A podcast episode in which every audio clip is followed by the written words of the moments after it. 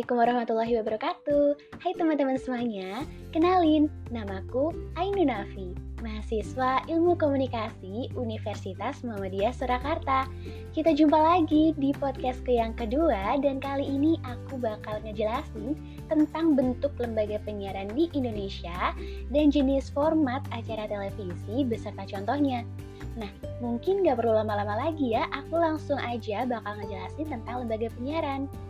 Lembaga penyiaran adalah penyelenggara penyiaran yang dalam melaksanakan tugas, fungsi, dan tanggung jawabnya berpedoman pada peraturan perundang-undangan yang berlaku.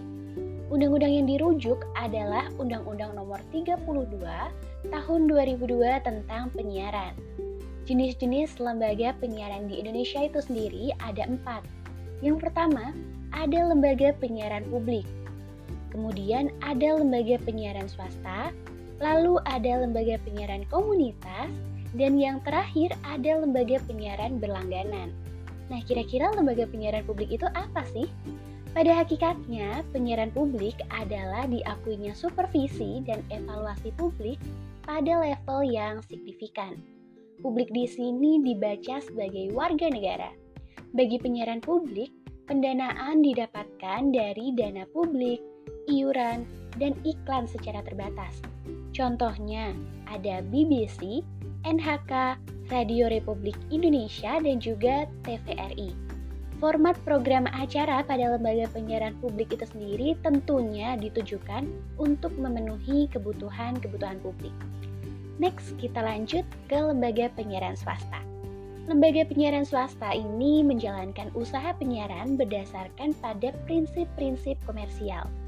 Lembaga ini menjual usaha berupa waktu tayang untuk bisa dipasangi iklan yang biasa kita sebut sebagai advertisement. Iklan dan usaha lain yang ini uh, pada lembaga ini sangat terkait dengan penyelenggara penyiaran. Iklan sendiri juga bisa dalam bentuk slot dan juga blocking time. Mungkin kalian yang belum tahu blocking time itu apa, aku bakal ngejelasin. Blocking time itu adalah jam siar yang disediakan atau disewakan kepada pihak lain yang biasanya berupa program eksternal atau dibuat uh, pada rumah produksi atau production house dengan konsep dan pengisinya itu dipilih oleh pihak lain. Contoh pengiklanan di basis blocking time di level up kita bisa ambil dari misalnya perusahaan e-commerce uh, Shopee atau Tokopedia yang beriklan pada 9 televisi sekaligus kemudian ditambah di 9 online media. Wah, Nah, hal ini tuh merupakan salah satu misi mereka untuk mengenalkan atau menambah awareness dari jasa atau barang yang mereka jual. Dan dari ini pula, pihak televisi itu bisa mendapatkan banyak keuntungan dari biaya yang dibayarkan perusahaan tersebut. Kalau ngomongin ya soal iklan, pasti penasaran gak sih berapa biaya pemasangan iklan di stasiun televisi? Aku langsung kasih tahu aja ya, rata-rata biaya pemasangan iklan di stasiun televisi itu bergantung pada uh, pukul berapa penayangan iklan tersebut. Jadi pada pukul jam 12 malam sampai jam 5 pagi dengan durasi pemasangan iklan 30 detik itu biayanya mulai dari 5 juta sampai 7 juta. Kemudian pada pukul 5 pagi sampai 8 pagi dengan durasi 30 detik itu biayanya mulai dari 7 juta sampai 9,5 juta. Kemudian pada pukul 8 pagi sampai 12 siang dengan durasi penayangan 30 detik biayanya mulai dari 6 juta sampai 8 juta. Kemudian pada pukul 12 siang sampai jam 1 siang dengan durasi yang sama 30 detik biayanya 7 juta sampai 9,5 juta. Nah, lalu selanjutnya di jam 1 siang sampai jam 5 sore dengan durasi 30 detik biayanya 6 juta sampai 8 juta. Nah, kemudian ini nih pada pukul uh, 5 sore sampai jam 9 malam tentunya jam-jam istirahat atau orang-orang mulai uh, menonton televisi itu dengan durasi penayangan yang sama 30 detik biayanya paling tertinggi yaitu 12 juta sampai 14 juta. Kemudian pada pukul 9 malam sampai jam 12 malam, durasi 30 detik biayanya 3, 7 eh, juta sampai 9,5 juta. Wah, menarik ya. Jadi itu tadi rata rata-rata biaya pemasangan iklan di televisi itu memang bergantung pada uh, pukul berapa mereka ditayangkan. Nah, kita lanjut lagi ke lembaga penyiaran komunitas. Berbeda dengan lembaga penyiaran swasta, lembaga penyiaran komunitas ini uh, suatu lembaga yang didirikan oleh komunitas tertentu yang menjalankan aktivitas penyiarannya secara independen atau netral. Dengan daya pancar rendah, jangkauan wilayah yang terbatas, tidak komersial, serta melayani komunitas. Lembaga penyiaran komunitas tidak boleh komersil, yang penting penyiaran komunitas itu uh, tidak boleh dimiliki atau berafiliasi dengan kelompok usaha yang mencari untung semata. Contohnya ada Gerabak TV di Magelang dan radio komunitas yang tergabung dalam JRKI atau Jaringan Radio Komunitas Indonesia. Lanjut lagi ke lembaga penyiaran berlangganan. Lembaga penyiaran berlangganan ini e, memancarluaskan atau menyalurkan materi siaran secara khusus kepada pihak pelanggan melalui radio, televisi, multimedia, atau media informasi lainnya. Dalam memancarluaskan siarannya itu, e, lembaga penyiaran berlangganan dapat menggunakan satelit kabel atau melalui terestrial. Contohnya itu ada MNC Sky Vision UCTV, Mola TV, dan lain sebagainya. Beberapa channel tadi itu biasanya mereka menyiarkan secara khusus atau program yang eksklusif seperti tayangan olahraga atau tayangan-tayangan yang berbayar lainnya. Nah, kalau tadi aku udah ngejelasin ya tentang lembaga penyiaran di Indonesia, selanjutnya aku pengen ngejelasin tentang jenis format program televisi. Nah, pada dasarnya itu apa pun tuh bisa dijadikan program untuk ditayangkan di televisi selama program-program itu menarik dan disukai oleh halayak. Dan selama tidak e, bertentangan juga dengan kesusilaan, hukum, dan juga peraturan-peraturan yang berlaku, e, program tersebut masih layak saja untuk ditayangkan gitu. Nah, berikut adalah jenis format program televisi. Yang pertama ada berita berat atau hard news. Hard news itu uh, semua informasi penting ya dan menarik yang harus segera disajikan oleh media penyiaran karena sifatnya itu harus segera ditayangkan agar dapat diketahui halayak secepatnya.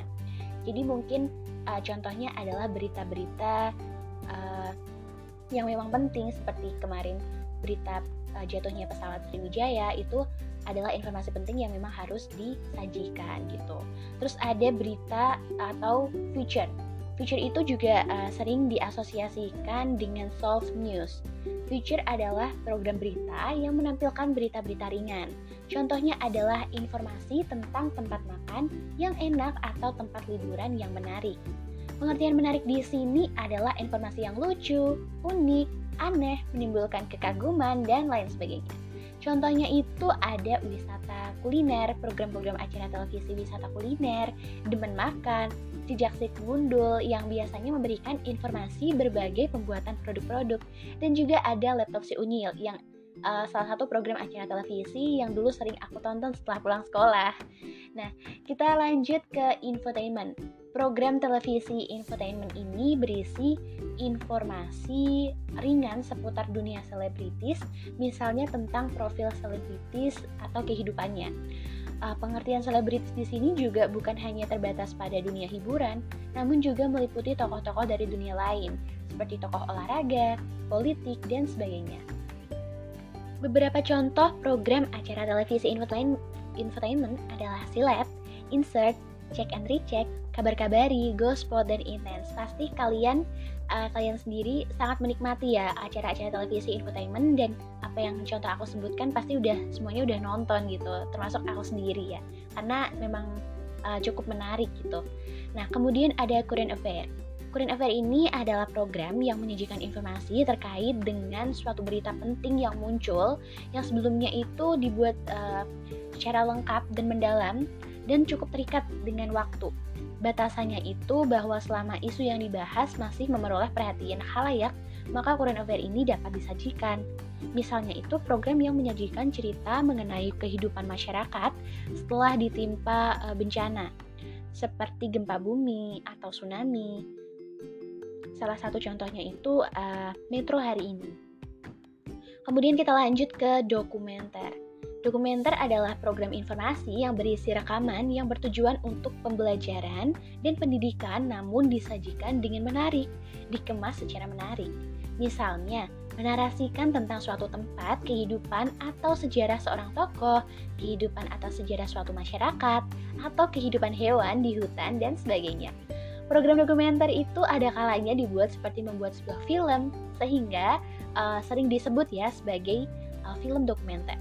Contohnya ada NGC dan Discovery merupakan stasiun televisi yang secara khusus menayangkan konsep dokumenter. Kemudian kita lanjut lagi ke program acara televisi reality show. Program acara televisi yang menampilkan suatu peristiwa berlangsung apa adanya, natural dan tanpa skenario. Contohnya itu ada uang kaget, bedah rumah, permehek-mehek, dan lain sebagainya. Memang uh, beberapa yang aku sebutkan ini pasti kalian dan aku pun juga udah pernah nonton. Memang uh, mereka menayangkan peristiwa itu secara apa adanya dan natural. Nah, kemudian kita lanjut lagi ke talk show. Program acara televisi talk show atau perbincangan adalah program yang menampilkan satu atau beberapa orang untuk membahas suatu topik tertentu dipandu seorang pembawa acara atau yang biasa disebut dengan host. Kemampuan host menjadi sangat penting ya. Mereka yang diundang itu adalah orang-orang yang berpengalaman langsung uh, dengan peristiwa atau topik yang diperbincangkan mereka memang uh, seorang ahli dalam masalah yang tengah dibahas. Contohnya itu ada Hitam Putih di Trans 7, Mata Najwa, dan Kick Andy. Kemudian kita beralih ke drama. Drama di sini uh, uh, memiliki arti bertindak atau action, berbuat. Program drama adalah pertunjukan show yang menyajikan cerita mengenai kehidupan atau karakter seseorang dan beberapa tokoh yang diperankan uh, yang kita sebut sebagai artis melibatkan uh, berbagai konflik dan juga emosi. Drama di sini dibagi menjadi dua ya, sinetron dan juga film. Sinetron ini uh, istilah sinetron itu hanya dikenal di Indonesia. Uh, kalau di luar negeri itu biasa disebut dengan telenovela. Sinetron itu uh, drama yang menyajikan cerita dari berbagai tokoh secara bersamaan. Biasanya itu cenderung terbuka dan sering kali tanpa penyelesaian cerita itu cenderung berpanjang-panjangan ya selama masih ada halayak yang menyukainya atau ratingnya itu uh, masih pada posisi yang tinggi.